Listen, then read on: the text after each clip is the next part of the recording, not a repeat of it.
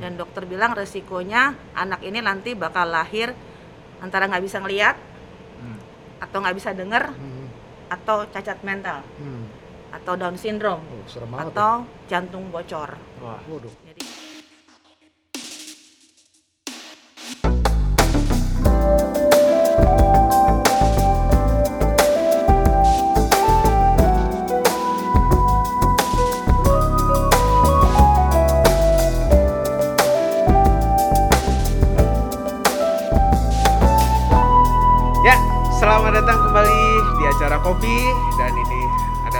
Narasumber kita yang akan membahas tentang hari ini tentang apa Kak Riji? Tentang over PD.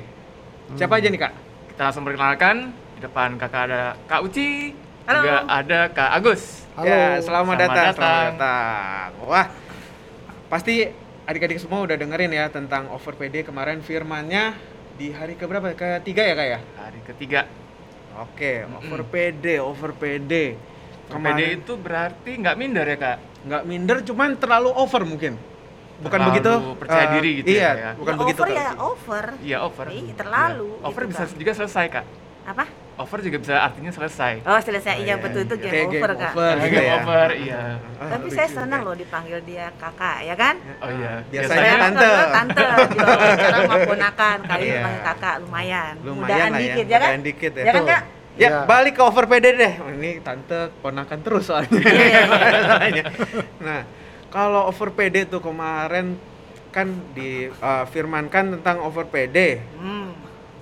Terus kan kita ha- harus kehidupan ini juga harus punya planning, bener kan kak? Betul, masa apa-apa nggak pakai rencana kacau. Mesti Nah. rencana. Bagaimana caranya sih biar kita menyusun planning tuh jangan sampai kita menjadi over PD gitu. Maksudnya eh, apa ya? Kita planning langsung aja lah. Eh, ngapain sih tanya-tanya Tuhan gitu? Coba Ya, Kak Rici coba jawab. silakan, Kak. Coba Kak Rici jawab. Oh aku ya? Iya. Oh iya iya. kan Kak Uci tamunya. Eh, eh, iya benar. Jadi eh, maksudnya yang kemarin kita bahas di firman itu over PD itu over PD terhadap Tuhan. Artinya kita nggak melibatkan Tuhan. Kalau masalah bikin rencana apa-apa mesti pakai rencana ya nggak Agustinus Betul, ya. Kita mau iya. ke mana mau pergi masa Harus itu. gimana nanti. Hmm. Terus mau liburan aja kan mesti pakai rencana kan. Hmm, Iya. betul, Suka betul. liburan kan. Suka banget. Pasti mesti bikin dulu kan pesen tiket Iya. dulu, cari hotel dulu, apalagi bawa anak kecil mesti begini, mesti begitu. Yang disebut over PD itu manakala kita punya rencana tapi kita udah nggak inget bahwa kita ini anak Tuhan. Apa-apa kita mesti eh, menyerahkan semua apa yang kita sudah rencanakan itu dalam tangan Tuhan. Contoh gini ya. Kalau anak-anak ASM Sion udah sering terlibat di acara drama Natal. Drama Natal yang kita adakan biasanya dua tahun sekali. Udah sekian kali kita adakan drama Natal. Nah, untuk bikin drama itu kalau saya dikasih kepercayaan oleh Pendeta Handoyo untuk bikin tahun ini, Ci, bikin drama. Itu mesti bikin planning, nggak mungkin dong. Iya. Acara segitu besar terus kita main gimana nanti serahin semua sama Tuhan. Ya enggak dong, mesti bikin planning dong. Iya. Pertama naskah dulu. Naskah sama lagunya. Nah, itu biasanya pada saat nyiapin itu, terus saya benar-benar berserah sama Tuhan. Karena kemampuan tuh nggak segitunya bikin naskah, bikin lagu tuh nggak mudah. Jadi saya saat itu harus berdoa sama Tuhan, bahkan disertai dengan puasa. Itu benar-benar PD saya nggak ada. Saya minta Tuhan kasih hikmat dong bikin drama Nata. Nah, biasanya ketemu naskah sekian, lagunya harus bikin gini. Planning, ngumumin di anak Sion, siapa yang mau terlibat ikut nari. Mereka daftar, dibantu sama kakak-kakak, guru-guru ASM Sion, bantuin daftar. Latihan nari semua. Itu planningnya sejak bulan Maret. Jadi acara drama Natal Desember kita mesti planning sejak Maret latihan. Mulai rekaman beracah lagunya Juni Juli. Agustus September paling telat mesti latihan nari. Nyiapin properti, nyiapin cari tim make up, segala macam disiapin. Nah itu biasanya PD saya nggak ada sama sekali. Ketika persiapan sudah mulai matang sekitar 80-90 persen, lagu sudah, terus properti sudah, panggung sudah, sudah siap semua. Nah biasanya saya agak-agak lupa minta Tuhan tuntun lagi. Merasa pede gitu ya Iya. kayak udah semuanya udah Pikirannya, beres di persiapan gitu ah, ya. tinggal Iya. jalan hari hasik pasti bagus nih, udah narinya udah oke semua, terus ini beraca kelar, udah pesan ini, udah pesan itu, udah, udah. Biasanya PD saya agak-agak naik. Hmm. lupa berserah sama Tuhan bahwa segala persiapan sampai hal sekecil pun saya mesti minta tuntunan Tuhan, saya mesti minta kemurahan Tuhan supaya semuanya lancar di hari H. Pernah kejadian di Natal tahun berapa tuh lupa. Pokoknya kita lagi bikin acara drama Natal itu eh, ada tarian yang melibatkan itu ceritanya scene-nya scene sirkus. Jadi ada 30 penari yang berkostum badut. Nah, karena make up badut ini nggak gampang, jadi kita cari eh, make up yang khusus untuk eh, bikin makeup artis gitu ah, lah ya yang untuk Iya. khusus yang buat badut gitu kan. Udah cari, udah tes make up segala dicoba. Oh ya bagus, oke kasih DP selesai. Nah itu terjadi di hari hanya H-1 saya telepon orang itu masih bilang Hmm. oke oke bu besok kan jam sekian jam sekian. Hmm. Nah ternyata pas di hari H sampai kita mulai make up jam 6 pagi, jam 8 pagi itu si tukang make up badut itu belum nongol. Waduh, gawat banget itu ya. Iya, itu kan gawat kan. Gawat. Sekarang kita panggil deh ya orangnya ya. Iya, yang Kakak yang- badutnya aja Bukan. Oh, Udah nggak datang, Oh, mana nih iya. datang sekarang. Ini Kak Uci panggil nih, ada Kak Sandra nih. Ini salah satu GSM dari K2 Sion yang Nggak, lagi tuh Kak Gus. menjadi Kagus minggir dulu Oh iya. iya. Iya, iya, iya. ganti-ganti dulu, ganti dulu, ganti. Ini Iya. Coba Kak Sandra bantuin cerita tuh kemarin kita gimana tuh kan Kak Sandra ini bantuin uh, jagain anak-anak yang make up datang Iya. duluan jam 6 pagi. Terus Iya, jam 6 pagi anak udah ngumpul nih. Udah ngumpul, semua udah ngumpul, udah nungguin di satu ruangan jam 6. Kan jam 8 janjiannya ya Kak Uci ya? Iya, jam Janjian. 9 mesti udah siap semua, Udah siap jam 10 semua, acara 30 mulai. Dia mau bawa tim badut. kan ya? Iya. Ah, udah. Tapi kita percaya, oh dateng kok udah janji. Ak- eh, Kak Uci bilang, udah dia udah eh, ini kok On udah the bilang, way, on the way. Ah. on the way. Jam 7 dia ada panik Jam karena 7. nggak datang terus jam 8 dia bilang Ci, on the jam way. 7 belum dateng Ci. Hah masa? Terus Uci masih kayaknya masih hubungi ya. Iya. Ah udah ditunggu sampai jam 8 nggak dateng panik deh kita gimana nih siapa yang mau da mau dandanin padahal udah percaya ah dateng dateng gitu ya cuy ya Hmm. Terus Oh, jadinya udah, udah DP kan ya pasti Iya. datang. Terus Udah, di telepon juga masih gitu on kan. the way jam 8 kita Iya. pikir masih keburu lah 2 jam 30 badut ngeri-ngeri juga sih. Tapi pasti keburu lah. Ternyata sampai jam 9 orangnya nggak nggak nongol. dateng Di teleponin sudah udah nggak bisa bisa. dihubungi ya Iya. Ya Terus Gitu kita deh. udah ambil bingung Terus harus gimana ya? gimana. Terus tante Da bilang, eh tante Da. kakak Sandra Kak Sandra, Kak Sandra. Sandra. Kak Sandra bilang, oh kita punya uh, face painting Ah, ya, di face painting. stok. untung GSM juga Iya. Iya Ada siapa GSM namanya? yang bantuin juga ya, Ah, ah. jago jago make up juga jago ya. make up juga Siapa Nama- namanya? siapa namanya coba angkat tangan Nggak tahu. Siapa ya? saya kan nggak ikut jadi badutnya, Kak. Jadi nggak tahu saya. Untung Kak Ricci bisa Kak make up Ricci itu. Oh, iya. Kak Saya? Ricci loh Biasa Wow. berkostum juga kan. Iya, bagian biasa Kan? berkostum. Nah, pada Iya. saat Deh. pe- makeup itu pede nggak bisa jadi badut atau jadi Superman gitu? Nggak make upin badut ya 30 lu tinggal satu Iya, jam. 30. Iya. Tinggal satu jam, berarti Ngeri-ngeri siram aja gitu lah ya. Itu juga doa langsung sih. Oh, untungnya pakai doa ya. Kalau nggak nggak jadi Iya. badut tuh. nggak Iya. overpede Nggak tapi over Jadinya pede yang jadi. lain. Iya. Ya, jadi membuktikan bahwa rencana udah disusun rapi, kita udah merasa pasti beres. Ternyata sampai di hari H masih ada kendala-kendala kalau kita tidak melibatkan Tuhan dalam setiap perencanaan kita. Jadi nanti sampai pas pentas pun setiap scene kita harus berdoa, aduh Tuhan audio jangan macet, aduh Iya. Tuhan tirai jangan macet. Pernah juga kejadian satu kali tirainya macet juga di ibadah yang ketiga. Jadi oh, saya tahu Ya, tuh. Saya ingat juga, ingat juga. Iya, yang pas gitu. habis Ya. itu eh, apa namanya layarnya talinya putus kan. Betul. pasti adik-adik juga yang ikut juga pasti tahu tuh kisahnya. Jadi itu Iya. itu artinya uh, segala perencanaan perlu. Tapi kita berserah sama Tuhan tuh lebih perlu lagi karena semua rencana itu nggak ada gunanya kalau Tuhan nggak ikut istilahnya merestui segala apa yang sudah kita rencanakan. Jadi semua bisa berhasil, semua bisa bagus pada saat Natal udah beres tuh benar-benar kita bilang terima kasih Tuhan. Rencana boleh bagus, boleh sempurna, boleh rapi. Tapi toh ada tuh hal-hal yang kayak gitu yang Iya. si make up nggak dateng lah, Iya. si tali putus lah, si audio macet lah. Pernah satu kali tiba-tiba nggak ada suaranya. Di situ juga ada GSM juga yang penangani audio Kak Yusuf Kak juga Yusuf. bingung tiba-tiba katanya ke mute. Jadi segala sesuatu harus bawa dalam doa sih. Karena emang anak Tuhan ya mintanya sama Tuhan. Walaupun K1, K2 oke, tapi Iya. K3 tetap harus doa lagi ya, Kak. Masih bawa dalam doa lagi. Jadi itu artinya kita nggak bisa over PD tuh itu. Mm-mm. Jadi rencana tuh perlu, nggak mungkin nggak pakai Hmm. rencana masa hidup anak Tuhan sembarangan ya enggak juga sih. Iya sih. Iya. Tapi itu Itu kan kalau misalnya kan kayak tadi kan eh, Iya. apa namanya? eh, drama Natal kan itu satu event yang gede. Iya. Terus kalau misalnya kita pede dalam kehidupan sehari-hari, maksudnya over pede kan eh, yang setiap hari kita jalanin gitu. Kayak kita misalnya mau pergi ke sekolah mau pergi kerja Mm. itu kan dalam kehidupan sehari-hari yang kita Menjadi rutin. kebiasaan iya ya. menjadi rutin kan. Iya. gue hari ini sekolah gue hari ini minta Tuhan pimpin misalnya. Selamat nih nyampe sekolah. Besok juga sekolah lagi selamat juga kok nyampe sekolah. Ngapain sih? Ini pede aja lah. Kan ada ada ber- berpikiran gitu kan sesuatu yang sudah rutin ngapain lagi sih tanya Tuhan mungkin ada pemikiran adik-adik yang dengar mungkin begitu juga kali ya itu Mm. termasuk ah ya udahlah itu pede aja udah rutin atau itu termasuk over pede yang mesti kita hindari atau gimana kak Uci? Coba gimana Cassandra? Kalau itu kayaknya beda sama over PD. Dia cuma taunya oh hari ini pasti Tuhan lindungi, besok pasti Tuhan lindungi. Tapi dia nggak berdoa. Mungkin mau berangkat, mau jalan, mestinya tiap hari itu Ya, berarti Jadi itu over PD atau meremehkan sih? Atau sama ya, meremehkan dan over PD? Ya over pede juga sih sebenarnya ya kayak.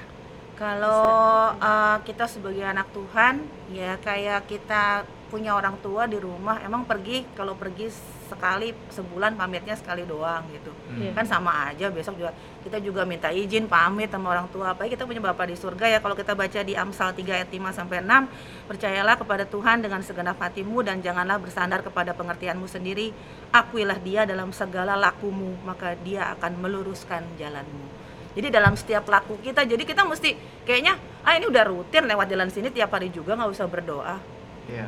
Jadi Kan- nggak setiap Kayak- setiap lakumu iya, dong. Kadang-kadang aja kalau lu lagi susah lu baru cari Tuhan. Hmm. Kita juga punya teman kalau digituin cari susah doang baru nyari kita kita juga gak suka Nggak kan. enak, Apalagi kita punya Tuhan yang maha besar yang berkuasa atas hidup kita. Kita cuma cari cari dia, pamit sama dia, mohon sama dia kalau kita perlu doa. Yes. Over PD atau PD tuh adik-adik bisa kira-kira sendirilah. Tapi yang jelas kalau kita anak Tuhan ya tiap hari kita mohon sama Tuhan lah. Kita berdoa bawa dalam doa semua. Meskipun kayaknya kegiatan rutin ya, Ci, Kak Iya, Uci ya, iya. tetap minta Tuhan pimpin. Ya kan namanya kadang anak kadang Tuhan. ya kan kadang kita apa namanya Iya. yang udah mau cari kerja kan kalau kita interview mau udah lulus interview kerja ya pasti ya kalau cari kerja pasti dapat kerja kan begitu nah kan itu Iya. kalau soal, dunia pekerjaan ya. ya, ya. iya udah udah Nah, eh, minta gaji berapa gitu kan biasa Iya, kan udah iya, wis biasa deal udah. nih eh, Iya. gitu kan langkah lagi udah. Nah, eh, kayak- Biasanya kalau hal-hal yang udah kayak berjalan seperti eh, yang kemarin Kak Uci firmanin tuh kayak udah naik perahu itu kan muridnya kan udah nelayan udah yakin Hmm. dong bisa menghandle perahu Tuhan tidur aja ya kan Iya. kita bisa lah kalau masalah perahu gitu kan jadi kadang-kadang kita kalau udah sekolah lulus sekolah ya pastilah abis itu cari kerjaan dapet lah Iya. Ya, Tuhan juga nggak usah terlalu direpotin gitu Hmm. abis merit mau punya anak ya biasa lah orang kawin juga abis itu beranak nggak Hmm. nggak nggak usah juga Tuhan ditanya-tanyain lah ya biasa Mesti- lah ya gitu biasa ya. lah Ya, ya biasa kan lah, ya, kayak gitu kan. gitu-gitu karena kadang-kadang kita udah biasa rutin gini ya nggak usah tanya Tuhan lah ada ada contohnya nggak Ada contohnya? Eh, ada tadi yang aku bawa yang aku yang disuruh pergi tadi oh yang diganti lagi ganti lagi Iya. yang diusir tadi itu dia di, di di bagian yang kita bakal bahas di dunia kerja dunia Iya. kerja ya hmm, ini contoh Walaupun nyata. yang nonton masih anak-anak sekolah tapi bakal juga kan ya, bentar lagi kerja. kan Iya, kan masalah lagi. bisa segala aspek gitu Ini Iya. contohnya dunia kerja nih Kak Agustinus biasanya di K1 Sion nih ya terima kasih kak Agus ya sampai di eh belum Oh, belum. iya. udah diusir. Oh, iya, iya, silakan silakan Kak Aduh, Agus nggak enak banget. Gimana kak? udah sampai mana nih dulu, Kak. ceritanya sampai Kak. mana nih udah tadi udah jauh soalnya. Oh, yang penting sekarang udah nyampe itu. Ka- ka- katanya Kak Agus ada kesaksian yang tentang over PD di dalam dunia pekerjaan. oh iya iya. Dulu dulu pernah juga tuh sempet tuh sampai waduh merasa benar-benar pede apa juga udah didapat gitu ya. Ternyata eh lepas juga ya. Seperti Hmm, itu. Nah, jadi coba dulu diceritain Kak Agus. jadi Iya, dulu iya. kita tuh saya tuh pernah kerja di satu perusahaan udah cukup lama. Ya udah cukup lama merasa eh kayaknya udah nggak bisa berkembang lagi nih di perusahaan inilah. Gitu loh. Jadi kita rencana mau mau pindah gitu loh mau cari kerjaan lagi. Oke. wah setelah itu kita kirim ratusan CV tuh lamaran. Nggak diterima-terima nggak dipang nggak ada panggilan. Lalu tiba-tiba ada satu panggilan. Wah senangnya minta ampun ya. Dipanggil di interview ya di interview Eh, sekali interview dua kali datang tiga kali interview keempat kali sampai tes IQ tes IQ seharian juga. Tes IQ juga. dari satu udah panggil interview wah sampai berapa tingkatan lah gitu ya habis tes IQ selesai eh tiba-tiba ke- panggilan keempat eh, satu dua tiga empat kelima panggilan kelima ditawarkan gaji udah ya ditawarkan berarti kamu ditawarin gaji gimana apa artinya? Udah udah udah pas- terima pasti dong betul. terima ini pasti kan. diterima Iya. ya mau atau tidak gitu kan Iya. nah waktu itu masih wah over pede nih wah kalau misalnya begini ini pasti gaji saya segini nih wah langsung saya bilang oh Langsung. maaf saya gaji saya minta sekian gitu lebih tinggi daripada yang ditawarkan Wah, saya pikir tuh nanti ya paling nego-nego tengah gitu kan seperti Nah, itu Ambil Nah, tengah, ambil tengah. ambil tengah. Iya, iya, nah, iya. terakhir setelah datang lagi ke enam kali, ke tujuh kali, akhirnya saya turun turun turun, dia nggak mau juga naik, gitu loh. Ya gaji ditawarkan. tes IQ lagi oh enggak Akhirnya udah mentok Iya, kayaknya. IQ. Kalau kalau IQ kayaknya nggak bisa dinego. kirain tes IQ Gaji- gaji lagi sesuai Iya, IQ iya, ya, oh, iya. Jadi ya pas saat itu ya udahlah, saya akhirnya pasrah ya udahlah, saya terimalah yang ditawarkan gitu kan. Ya gajinya saya terimalah gitu loh. Wah, setelah itu benar-benar Pak udah pulang, yes, akhirnya dapat kerjaan gitu kan. Wah, kita udah nggak udah lupa tuh sama doa tuh. Udah lu lu udah sama, sama sekali lah. Sebelum sebelumnya kan waktu udah saat kita cari kerjaan tuh kita doa terus supaya bisa dapat kerjaan.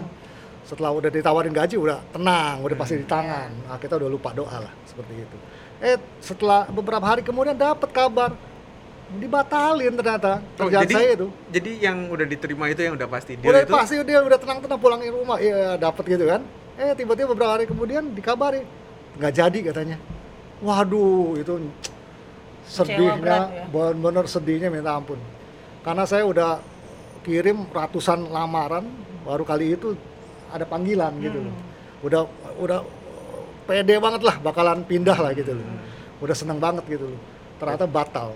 Berarti dari awal tuh yang pas sebar sebar sebar apa sih? Sebar Sebar CV. CV, Ah, ya, ya, sebar, lamaran. Ah. sebar CV, CV tuh dari awal tuh Hmm. Agus itu udah eh, pede atau ini gue sebar segini yang gue keterima panggil kerja tuh Hmm. pasti banyak atau gimana? Biasanya pas, sebar itu juga sebar itu juga udah tanya Tuhan dulu. Ya, tuh. Kita sebar kan kita sambil kerja sambil berdoa "Aduh, Tuhan tolong nih Oh. CV. biasanya kalau baru mulai tuh PD-nya masih kecil kan Oh, iya, Tolong Tuhan nah begitu tadi tolong. udah ngomongin gaji Udah ngomong gaji, nah, wah, PD-nya mulai naik kan naik, betul. Tuhan udah mulai Udah- lupa gitu Udah nggak doa lagi seperti Oh. itu. Manusiawi ya? Nah, manusia. tes IQ lagi nih Semuanya dites IQ.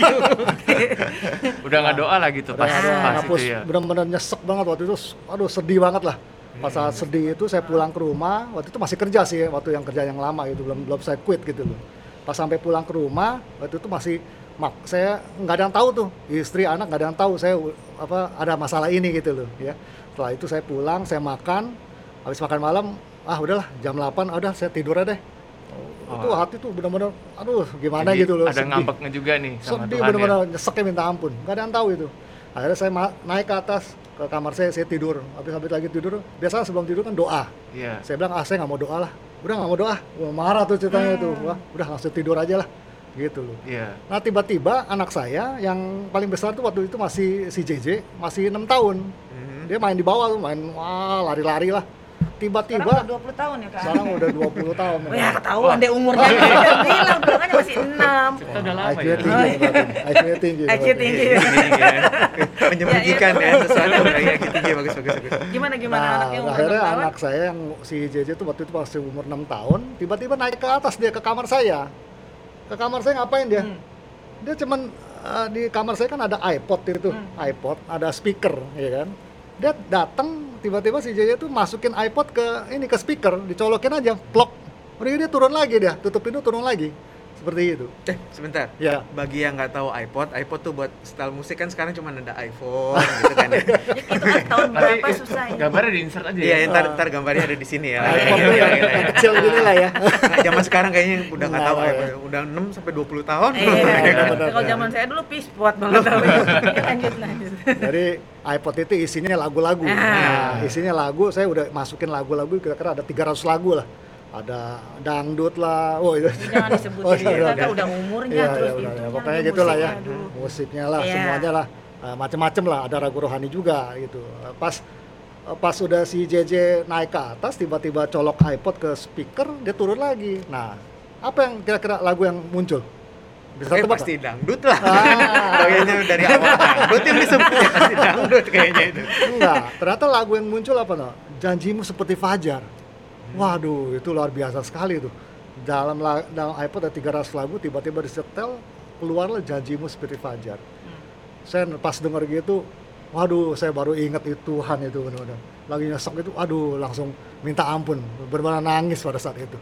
Nangisnya ya nggak guling-gulingan ya nangis begini. Gini doang. ya gitu doang ya.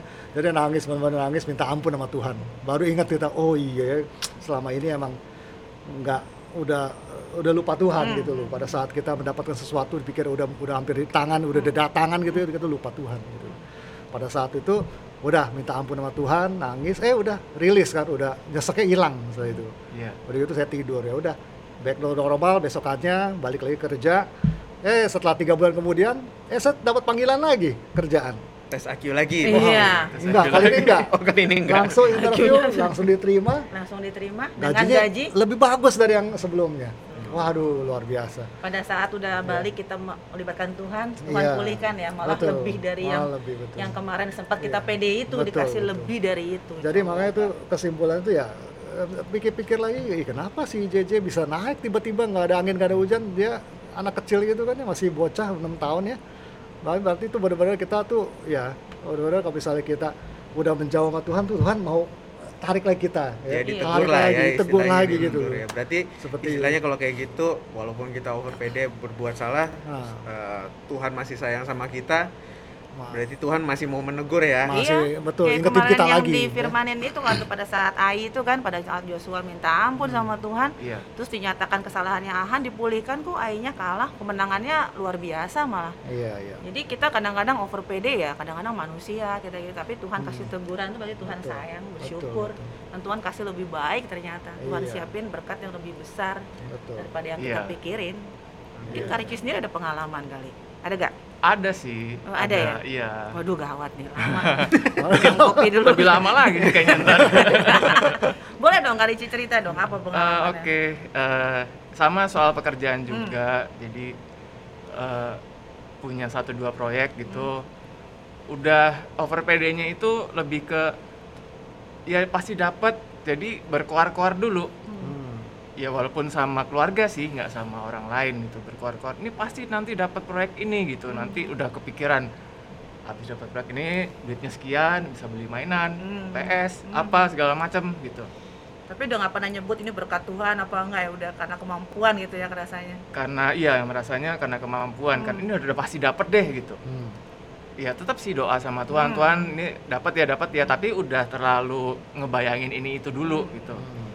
Eh ternyata nggak dapat ternyata cuma janji manis doang gitu. Nah, terus jadi merasa kecewa. Eh, aduh karena terlalu pede terus impian semua langsung hilang gitu. Hmm. Eh, tapi ya itu bolak-balik ingat firman Tuhan. Ingat bahwa Daud aja kalau salah dia berbuat dosa terus tapi cepat minta ampun Tuhan pasti pulihin Hmm. dan ganti yang, yang lebih bagus gitu ya itu aku lakuin dan terbukti memang ada proyek yang lebih bagus dari itu Iya. jadi emang kadang-kadang hal-hal yang rutin yang misalnya Karici udah di, di bidang itu terus ya dapat tawaran di bidang itu udah yakin ya sesuai yakin, kemampuan udah sesuai pasti kemampuan. dapat dan kadang-kadang juga kayak adik-adik ya kayak apa namanya gue pekerjaan sebagai pilot gue nerbangin pesawat ya Iya, udah pasti iya, tiap udah hari lah kayak gitu Iya. kan istilahnya Iya. kayak gitulah ya tapi sebagai anak Tuhan yang kayak, yang kayak gitu nggak boleh tuh Mm-mm. ya kan Iya. terbukti kita sudah ngalamin banyak Hmm. dan kalau Tuhan masih tegur itu udah bagus dan kalau biasanya kalau ini sekarang kalau pekerjaan kalau kehidupan itu kak biasanya orang udah uh, umurnya merit Hmm. terus habis merit udah planning mau punya anak gini-gini biasanya kayak gitu udah nggak ngelibatin Tuhan karena ya biasa lah ya biasa lah biasa lah habis kawin beranak tapi itu itu saya punya pengalaman tuh apa lagi Gimana? jadi itu? punya pengalaman Cing. pas merit gitu terus ah nggak mau punya anak dulu ceritanya harus cek kesehatan karena Hmm. dari kecil tuh saya senangnya tidur tuh bareng anjing Hmm. takut kena virus katanya toxoplasma yang Iya. bahaya buat janin jadi cek ke dokter dulu. Ternyata dokter juga bilang ya dikasih space dulu lah kira-kira enam bulan jangan hamil dulu. Kita Hmm. kasih obat supaya bebas virus. Gitu. Ternyata dari dokter ngomong itu tiga bulan setelah itu saya hamil. Hmm. dan biasa setelah kita kehamilan tiga bulan suruh ngecek TORC kan TORCH kan Hmm. dia kan nggak pernah hamil kan nggak Saya nggak pernah hamil. eh pernah Kak. Istri saya pernah. Istri pernah hamil, Nah, saya kan? nggak pernah hamil. Iya, itu kan periksa tuh torsitostoplasma, rubella, satu lagi C-nya lupa. C-nya apaan Kak? Saya Kan Chris kayaknya. IQ. kayaknya. Apa ya? Nggak tahu Nggak saya. tahu ya gitu ya, terus ha- hanya HIV gitu Kak. Oh, iya, tes iya. untuk menjaga supaya janin yang kita uh, kandung itu nggak nggak berakibat uh, dari virus itu bikin cacat. Nah ternyata pas tiga bulan pemeriksaan, uh, hamil tiga bulan cek ternyata toso saya positif, rubella saya positif. Dan dokter bilang resikonya anak ini nanti bakal lahir antara nggak bisa ngelihat Hmm. atau nggak bisa dengar Hmm. atau cacat mental Hmm. atau Down syndrome Oh, atau jantung bocor. Wah. ya. Waduh. Jadi gitu kan. bener.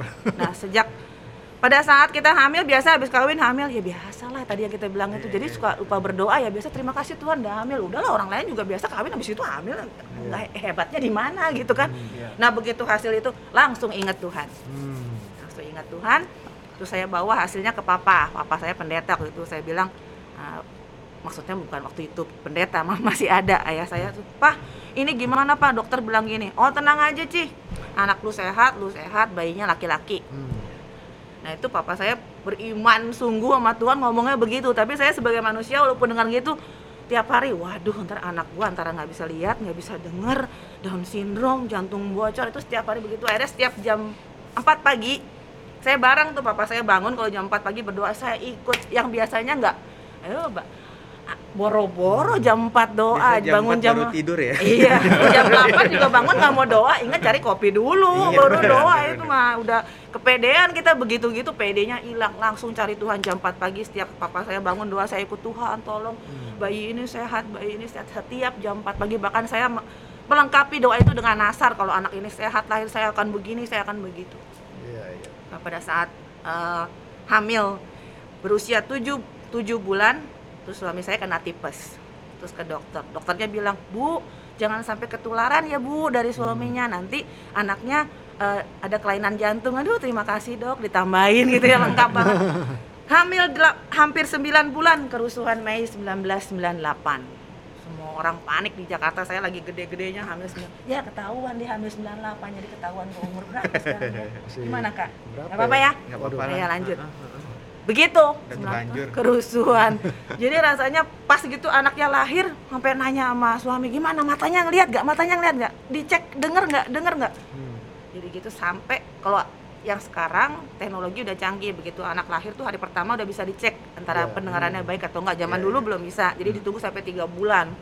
Sampai kita menunggu dengan doa terus pendengaran baik Hmm. penglihatan baik jantung baik Hmm. dan saya nggak ngerti kenapa maksud Tuhan itu harus terjadi begitu ternyata pembelajaran supaya saya jangan over PD Hmm. jadi hidup tuh mesti berserah sama Tuhan jadi pada saat anak itu sekarang berusia 22 tahun Iya. sama ya kan saya setiap hari ngeliat anak itu adalah melihat mensyukuri berkat Tuhan hari Oh. demi hari kalau bukan karena Tuhan Hmm. saya nggak bisa lagi over PD ini anak mah dari ya gua kawin aja punya anak gini saya nggak bisa gitu Hmm. Iya. ini kalau bukan Tuhan, jadi setiap hari saya lihat anak itu saya bersyukur benar-benar kalau bukan Tuhan saya nggak bakal punya anak yang Iya, iya. sehat dan normal Hmm. seperti ini. Gitu Iya Sehat kan? dan tinggi ya. Wow. Oh, ya, sehat Iya, dan iya, tinggi. Luar biasa ya. Tinggi, tinggi banget kalau Tinggi Nyari sepatu susah kak. Ukuran 46 Eh 47 Ya Hmm, lanjut. Banyak, banyak diskon tuh kalau gitu. Iya. Nah, kalau kayak tadi kan eh, kita yang ngalamin kan, maksudnya kita yang over PD, kita yang Hmm. ditegur. Iya. Nah, kalau kita misalnya ngadepin orang yang PD-nya kebangetan gitu lah, Hmm. ya, maksudnya ke temen atau ke orang tua itu. Misalnya orang tua tuh ke Terlalu anaknya ngatur gitu ya, terlalu ngatur, Nah, PD. Ngatur. Dia Kayak- yakin bahwa keputusannya dia tuh pasti terbaik Nah, untuk iya, anaknya gitu iya. ya. Betul. Biasa kan orang tua, ntar lagi pada mau lulus nih, Hmm. cari kuliah, terus Iya. anaknya kayaknya, ma, pap, aku pengen uh, Jurusan jurusan A." jurusan musik nih. Ah. Terus misalnya orang tuanya, eh musik lu mau makan dari mana? Pada Kan gitu. pada Iya, gitu iya. katanya ya. Ada yang kayak gitu kan, maksudnya udah ikutin pilihan papa aja. Hmm. Iya. Ini ini berarti kan orang tuanya itu pede banget kalau ngambil jurusan itu Pasti dia sukses. pasti makan gitu kan Nah, pasti sukses itu ngadepinnya gimana kan misalnya kalau orang tua sendiri kan mau dilawan susah Hmm. mau diikutin tapi nggak sesuai dengan passion passion Hmm. kita tuh. itu ngadepin orang over PD tuh gimana Kalau menurut pendapatnya Kak Uci nih eh, udah sering tanya juga di kelas Sion, adik-adik di sini siapa yang orang tuanya belum kenal Tuhan, belum beribadah? Semuanya rata-rata hampir 100% sudah beribadah di sini Ya, Kak dan iya. sudah udah udah anak Tuhan semua. Jadi meyakini kalau orang tua dan anak sekeluarga punya mutu iman yang sama, pasti mereka juga eh, berharap sama Tuhan dalam segala perkara ya. Jadi kalau ada perbedaan mengenai jurusan yang dipilih atau apa biasanya dirundingkan sama keluarga aja. Dan tentunya eh, semuanya berdoa yang terbaiknya gimana gitu loh. Kalau Iya. pengalaman Kak Uci sendiri bersyukur banget malah kebalik tuh punya papa dulu pendeta eh, terus anaknya yang paling gede Handoyo, pendeta Handoyo, Oh, iya, iya. papanya dia. iya kayak Itu- saya kenal saya kenal Kenal kan? Iya, Eh, kenal ya? kenal kenal Sering ketemu kan? pasti Ya, itu anaknya yang paling gede cowok pengen kuliah jurusan komputer karena saat itu lagi booming banget. Pokoknya dia pikirannya tuh pendeta Handoyo bilang kalau gua jago komputer ini bakal gua bakal jadi orang sukses Hmm. karena ini baru-baru dibuka jurusannya terus orang lagi cari ahli komputer gitu. Papa saya kebalik enggak, kamu sudah dipilih, aku udah serahin kamu untuk melayani Tuhan. Kamu harus ambil jurusan Hmm. musik. Gua sekolahin lu sampai ke Amerika di Berkeley atau uh, ambil dulu ngambil uh, les privat sama Bu Bican ke Surabaya balik Iya. Jakarta. Nanti lu ngela- bisa musik yang terbaik kasih buat Tuhan melayani di bidang musik Hmm. Hmm. itu malah kebalik. Nah, kita pada saat itu sebagai anak mungkin pasti ngeliat, waduh nih bapak gua nggak ngerti, ini kan bakal, ini bakal gue jadi Musik ahli lagi. komputer nih, pasti bakal sukses nih gue bakal orang sukses. Hmm. Iya. apalagi yang Tapi jarang kan itu ya. karena ayahnya pendeta. Kalau ayahnya orang biasa, Ya tapi kan nggak nggak bilang juga di Alkitab kalau pendeta atau gimana Ya. kan kalau orang berserah sama Tuhan. Iya. Jadi artinya dalam satu keluarga kayak papa saya berserah sama Tuhan, nyerahin anak-anaknya, anak-anaknya juga punya mutu iman yang sama. Akhirnya kakak saya juga terima. Ya udah. Tapi aku coba tes dan dia tes dan berhasil. Iya. Papa saya bilang, lu kan lu puas kan, lu nggak bodoh kan, lu pinter kan, lu keterima. Nah anak yang pinter ini gue serahin sama Tuhan. Hmm. Dan, Hmm. dan penyerahan yang kayak gitu kita lihat ya sekarang 22 tahun kemudian 22 saat tahun ini. 22 Ada- lagi ya Iya, apa iya. dengan angka Ada 22 ya? 22 ya. Iya, Kemarin 22. 18 tahun, sekarang 22. Saya Oh, juga iya, saya juga umur 22 ya. Astaga. Oh, 22 bilang. Ya gitu. Setelah 22 tahun kemudian ternyata pendetanya terpanggil untuk melayani Tuhan bawain firman. Dari Iya, dulu betul. melayani musik selama 22 tahun tadi. Kayak tadi ya, pertanyaannya Kak ini sebenarnya ada pengalaman juga beberapa yang saya lihat ya. Dia dipaksa orang tua untuk ambil jurusan ini gitu loh. Hmm. Tapi dia turutin gitu. Hmm. Tapi pas dia ambil di uni itu, dia belajar juga yang dia suka. Hmm. Nah, seperti itu. Misalnya dia dipaksa elektrik elektro- elektronik misalnya electrical. Iya. Dia sukanya komputer. Nah, pas saat dia belajar electrical, dia belajar sendiri komputer. Kayak gitu. Ya, jadi double deh, double Jadi- major. Jadi double Jadi gitu. Double kan ya. major. Nggak melawan orang tua, tapi tetap bisa ikutin Iya, passionnya ya. passionnya, betul. Iya, iya betul betul. Percuma dia tes IQ tadi ya. Iya. Pinter loh. Oh. Mungkin gara-gara tes IQ. Oh, oh. lihat lihat Minta gaji segitu, makanya Oh. ditolak. Jadi misalnya kalau ngadepin orang over PD ya ada yang kita bisa ikutin maunya apa. itu kalau kalau lebih ke perundingan keluarga Ya, tapi apalagi kalau perundingan. keluarganya udah satu iman udah punya pandangan yang sama sudah berserah kepada Tuhan Hmm. pasti ada jalannya untuk ini pasti perbedaan kayak gitu-gitu adalah setiap keluarga nggak mungkin juga Iya. so ini gitu Sejalan terus gitu tapi ya. pokoknya sama-sama punya pandangan bahwa segala sesuatu rencana kita kita serahkan dalam tangan Tuhan Tuhan kasih petunjuk yang terbaik buat kita Betul. semua gitu. Kalaupun nanti kita salah jalan kayak apa kayak Kak Agustinus kayak saya Tuhan kasih teguran kita bisa balik dan dipulihkan Hmm, Semua ada jalannya di dalam Tuhan ya. betul Iya. betul. Yang penting sih mau baliknya itu ya, Kak. nah Nah, jangan bablas. Dan Ya, bablas. Iya. jangan Iya. over pede lagi ya Jangan balik tuh nanti Iya, kena Mesti- gituan lagi Nah, mesti U-turn lah ya. Iya, jangan Iya. over over terus gitu. Jadi kalau misalnya kita udah ada apa namanya menyerahkan semuanya kepada Tuhan, misalnya kita nggak over pede lah ya, semuanya terplanning dengan baik. Tiba-tiba di tengah jalan tuh eh, ada satu kegagalan, berarti itu bukan karena kita over pede dong. Eh, kalau masalah kegagalan, kadang-kadang kayak tadi ada teguran mungkin. Terus ada juga mungkin Tuhan sudah menyediakan yang lebih baik dari yang kita pikirkan. Iya. Karena kita pikiran kita nggak sama dengan pikiran Tuhan terbatas, tapi Iya. Tuhan menyediakan yang terbaik buat kita. Kalau kita udah berserah sama Tuhan, udah berserah full, udah berharap ternyata ada hal-hal yang nggak enak yang harus kita hadapi, pasti Tuhan punya maksud yang baik. Nah, bagaimana kita tahu ini Tuhan maunya apa sama gua? Apa karena gua salah? Apa karena Tuhan justru menyediakan yang terbaik? Nah, itu nggak ada nggak ada patokan khusus di Alkitab yang ini mana ini mana. Kalau lu sakit ini berarti lu lagi dihukum Tuhan. Kalau lu sakitnya ini berarti lu lagi disediakan yang terbaik atau lagi disadarkan. Nah itu kita butuh Roh Kudus untuk menerangi kita men- menerangi hati kita yang terbaik yang sesuai dengan kehendak Tuhan itu seperti apa sih? Kita nih harus gimana? Kita harus balik di jalan yang benar.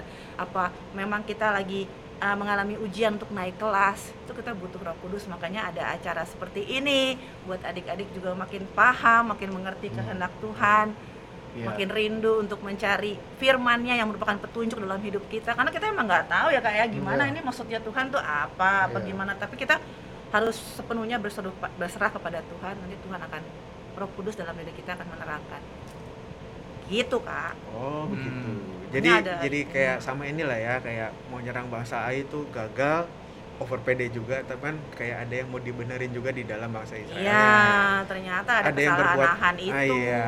Iya, pas dibenerin juga jadi kesalahannya terbongkar, terus Joshua juga belajar berserah kepada Tuhan. Hmm. Bangsa Israel juga lihat bagaimana Tuhan memulihkan. Ternyata Kan ya banyak. ada buat introspeksi diri Betul. juga. Iya. Iya. Jadi Gitu-gitu apa pun ya, kan? yang terjadi, mau negatif atau positif, tetap nempel sama Tuhan ya kak, Prince. Mm. Betul. Jadi Soalnya semuanya minder harus juga nggak boleh kak. Ntar Iya. kita ada tuh bahasannya di Iya, hari yang berikutnya. Jadi ya, over jadi- pede jangan, minder juga jangan. Iya betul. Jadi, Jadi yang boleh bikin- over apa kak? Nggak boleh sih ya Nggak sebenarnya. boleh, boleh. over Nggak ada yang over. nggak boleh, ya. Overdosis apalagi Ya, ya. jangan. Oh, itu serem ya. Bisa game over itu. ya udah mungkin segini dulu aja kali ya kayak uh, podcast untuk hari Iya, ini. Mungkin ada bermanfaat. ada kata-kata terakhir. Oh, sorry, sorry, ya. Maksudnya apa namanya buat buat menutup, buat menutup. Ada yang Oh, mau tambahin? iya, buat menutup Oh, acara mau gitu tambahin? ya. Ya. Gimana kak? Ya, jadi Ayo, kita eh sebenarnya tuh kalau misalnya PD tuh boleh tapi harus di ada dalam iman ya, harus dalam iman ya. Iya, Dalam bermegah iman. dalam Tuhan Betul, gitu ya. ya, Kita itu PD-nya harus tuh- bangga punya Tuhan kayak gitu Ya, sih. Sejalan lah ya, sejalan Tuhan sama kita. firman gitu. Iya. Jangan PD gara-gara kekuatan kita sendiri gitu Oke, aja iya, pesannya. Ya. Iya. Dari kau Ci ada tambahan lagi? Enggak, udah, udah banyak. Karici dong tambahin. Eh, iya nanti di e- sesi berikutnya. Iya. Oh, di sesi ya. berikutnya ada ya? Ada dong. kan buat RK3 ya. oh iya benar, iya. tapi RK3 ini talk show kedua hari keempat Hari kita. keempat kita. Iya. Ini. Iya. Iya, hari keempat. Masih ada lagi. Ada Oke, lagi. Paling ya segini kan? dulu aja ya semuanya. Terima kasih atas kedatangannya. Terima kasih buat Thank you. kesempatannya. Thank you. Semoga Thank you.